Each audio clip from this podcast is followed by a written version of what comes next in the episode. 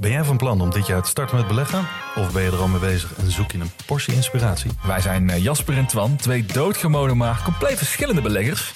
En iedere donderdag vertellen wij in onze podcast de lange termijn over onze beleggingsreis, onze lessen en met name onze fouten. En dat allemaal op een eh, vermakelijke en een langdrempelige manier. Alsof je met ons in een kroeg staat. Met een whiskytje erbij. Lekker. Dus luister eens naar onze podcast De Lange Termijn.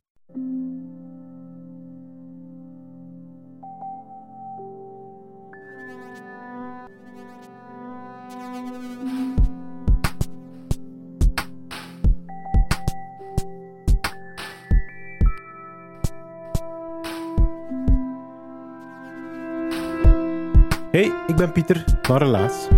In Relaas hoor je waar gebeurde verhalen en die worden verteld door de mensen die ze zelf hebben meegemaakt. Het verhaal van Mieke, het relaas van Mieke, gaat over dat stemmetje in je hoofd. Het is waarschijnlijk voor veel mensen herkenbaar. Dat stemmetje in je hoofd dat jou zegt: hmm, er komt iets aan dat niet zo tof is. Er is onheil verwacht.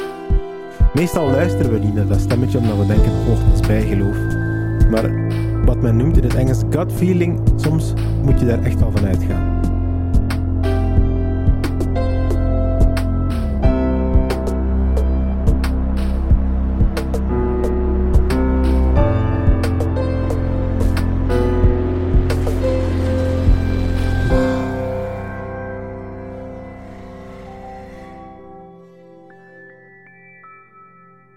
Een goed verhaal, dat is eentje met impact.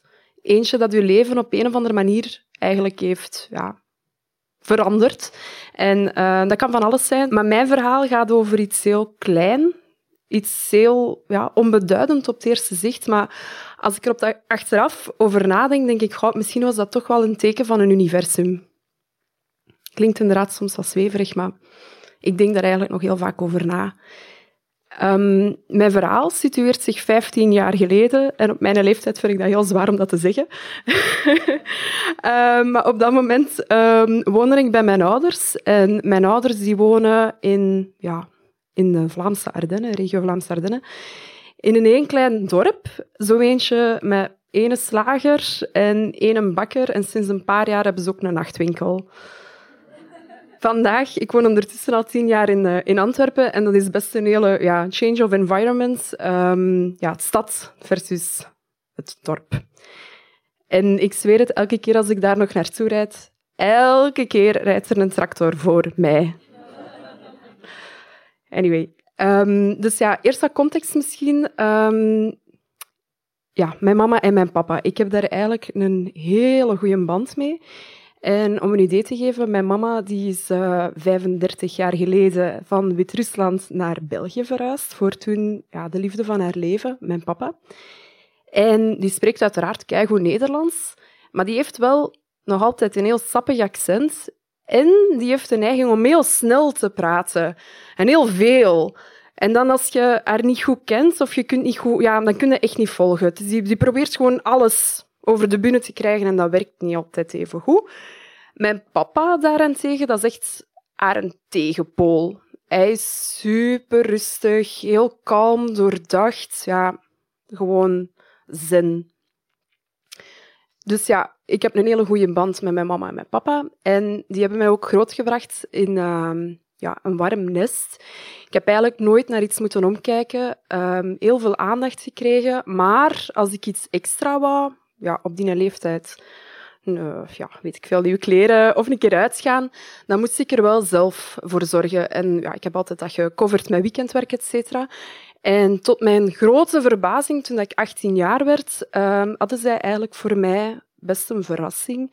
En ze zeiden, Mieke, um, we hebben voor u een potje gespaard en nu mocht kiezen of je gaat op kot of je krijgt een auto ja, niet slecht. Ik moest daar eigenlijk geen twee keer over nadenken, want zien een auto betekende voor mij echt de grote vrijheid. Ik had zes jaar lang met een bus gereden en ik kon die echt niet meer zien. Ik wou gewoon met die een auto op stap overal naartoe gaan waar ik wou. Dus ik heb dat ook direct gezegd. Geef mij maar de auto. Check, in orde. En dat was ook voor mij echt de vrijheid. Bij een auto hoorde ook een rijbewijs. En mijn papa, met al zijn geduld, die vond dat een goed idee om mij rijles te geven. Dat mocht toen. En ik herinner mij nog, um, ja, het eerste wat je moet leren is starten. En mijn papa dacht, ja, je kunt maar beter beginnen met het moeilijkste. We gaan dat bergop doen. dus ik zie ons nog altijd staan op de parking van het zwembad toen. Ja, dat gaat daar omhoog. En ik heb dat twintig keer gedaan. Echt uh, de sleutel, de embrayage, koppeling. Twintig keer na een stuk. Dat ging niet. Ja, dat was ook intens. en mijn papa met al zijn geduld, dat was op. En hij zei in colère, nu is het klaar, het is genoeg gedaan, we gaan naar huis. En tegen de tijd dat ik uh, de auto had stilgezet, uitgestapt was, eenmaal rondgedraaid, van plaats wou wisselen, zei mijn papa, allee, kom, nog één keer. Dus om maar te zeggen, mijn papa die heeft echt geduld voor tien. Ja, goed. Ik had dan op het einde, ik heb dan effectief mijn rijbewijs gehaald, hoera. En van op dat moment was ik eigenlijk niet te stoppen. Die een auto, dat betekende voor mij echt wel de vrijheid. En ik toerde overal naartoe. En ik was op dat moment 18 jaar en uh, afgestudeerd van de middelbare school. En we hebben toen beslist met mijn klasgenootjes van kijk, uh, kom, laten we een klasreunie doen. En uh, ja, de uitstap toen en we beslisten om eerst te gaan bowlen in Gent en uh, dan naar de cinema te gaan, et cetera. En die namiddag um, loop ik met mijn mama op straat. En hier is wel even waar ik inderdaad bij stil wil staan. Ik loop op straat en ik zeg tegen mijn mama... Ik weet niet wat dat is vandaag, maar ik heb echt het gevoel alsof dat er een gewicht letterlijk op mijn schouders ligt. Echt fysiek gewicht. En dan niet alleen alsof dat er een grote zware, donkere wolk boven mij hangt. En het feit dat ik dat gezegd heb, dat maakt het voor mij heel reëel. Uh, want dat is niet gewoon weet je wel, een rilling dat je even krijgt van oeh, even een windje. Nee, dat was echt iets heel fysiek, iets... Ja, ik zeg het vijftien jaar later, ik voel dan... Allee, ik kan dat nog altijd best omschrijven. Maar ik besteed daar op dat moment eigenlijk geen aandacht aan en ik ga door met mijn dag. S'avonds spreken we af met zijn vrienden. Het wordt een kei toffe avond, we gaan bowlen, er wordt wat gedronken, we zien een film en s'avonds laat is het tijd om naar huis te gaan. En een van mijn vrienden vraagt van, zeg, zie jij dat zitten om uh, mij naar huis te brengen? En ik die overal naartoe rijd, zeg, uiteraard.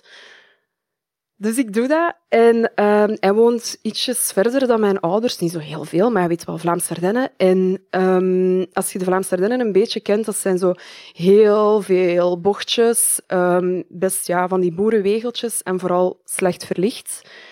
En ik zet hem af en niet veel verder ben ik aan het rijden. En ja, voordat ik het weet, zie ik ineens een flits van licht van rechts komen. Ik rij rechtdoor en ik bots op een andere auto, recht in de flanken. En voor alle duidelijkheid, ik had mijn voorrang van rechts niet verleend, dus ik was wel degelijk in fout.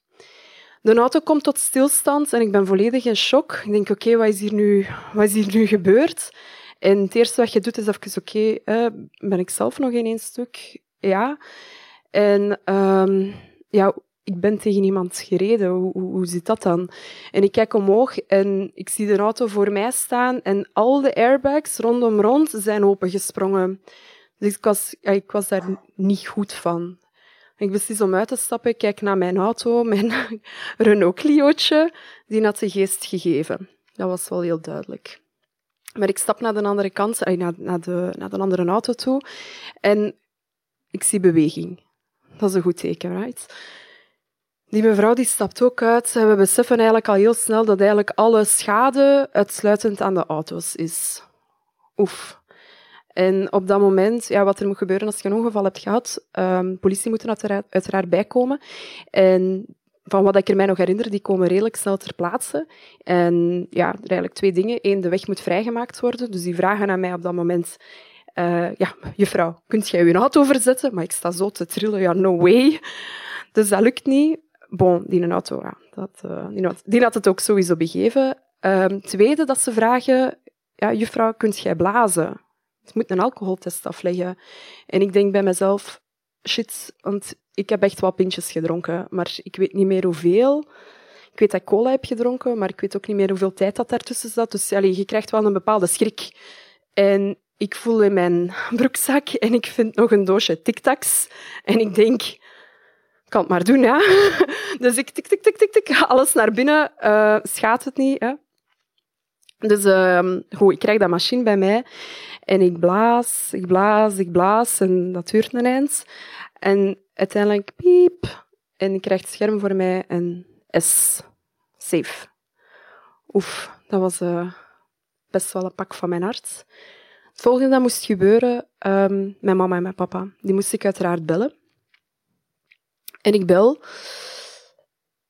midden van de nacht, moest ze dus wakker bellen. Um, mijn mama pakt op, hè, half slaapdronken hoor ik wel. En ik zeg, uh, mama, ik heb, een, uh, ik heb een ongeval gehad. Ik ben, ergens, ik ben tegen iemand aangereden. Uh, het ziet er niet goed uit. Ik ben, dit is het adres, ik ben hier en daar. En het enige wat mijn mama zegt op dat moment, oké. Wetende dat mijn mama zo'n spraakwaterval was, dat kwam binnen. Niet veel later komen die uiteindelijk toe, mama en papa. En wat die doen is, die kijken mij eigenlijk niet aan. Die kijken mij niet aan, die zeggen geen woord. Opnieuw, supergoeie band. Het feit dat die op die manier, ja, die waren obviously in shock, maar dat was heftig. Um, uiteindelijk, ik sta bij hun in de auto, ik ga naar huis. En dat wordt een hele woelige nacht in mijn bed. En ik kan eigenlijk maar aan één ding denken. Dat gevoel dat ik had die namiddag, dat gevoel dat ik heb genegeerd, dat heavy, zwaar, die donkere wolk, echt die fysieke druk, wou dat misschien toch iets zeggen. En ondertussen zijn we 15 jaar verder. Ik denk daar nog heel vaak aan. Een soort van ja, stemmetje in mijn hoofd. Is alles oké? Okay? Uh, heb hier geen, eh, geen, extra voorgevoel bij. Uh, ik ben er gewoon bewuster bij. En ik zweer bij alles en nog wat, als ik dat nog één keer meemaak, dan blijf ik binnen en dan doe ik de deur op slot en grendel. Dank u wel.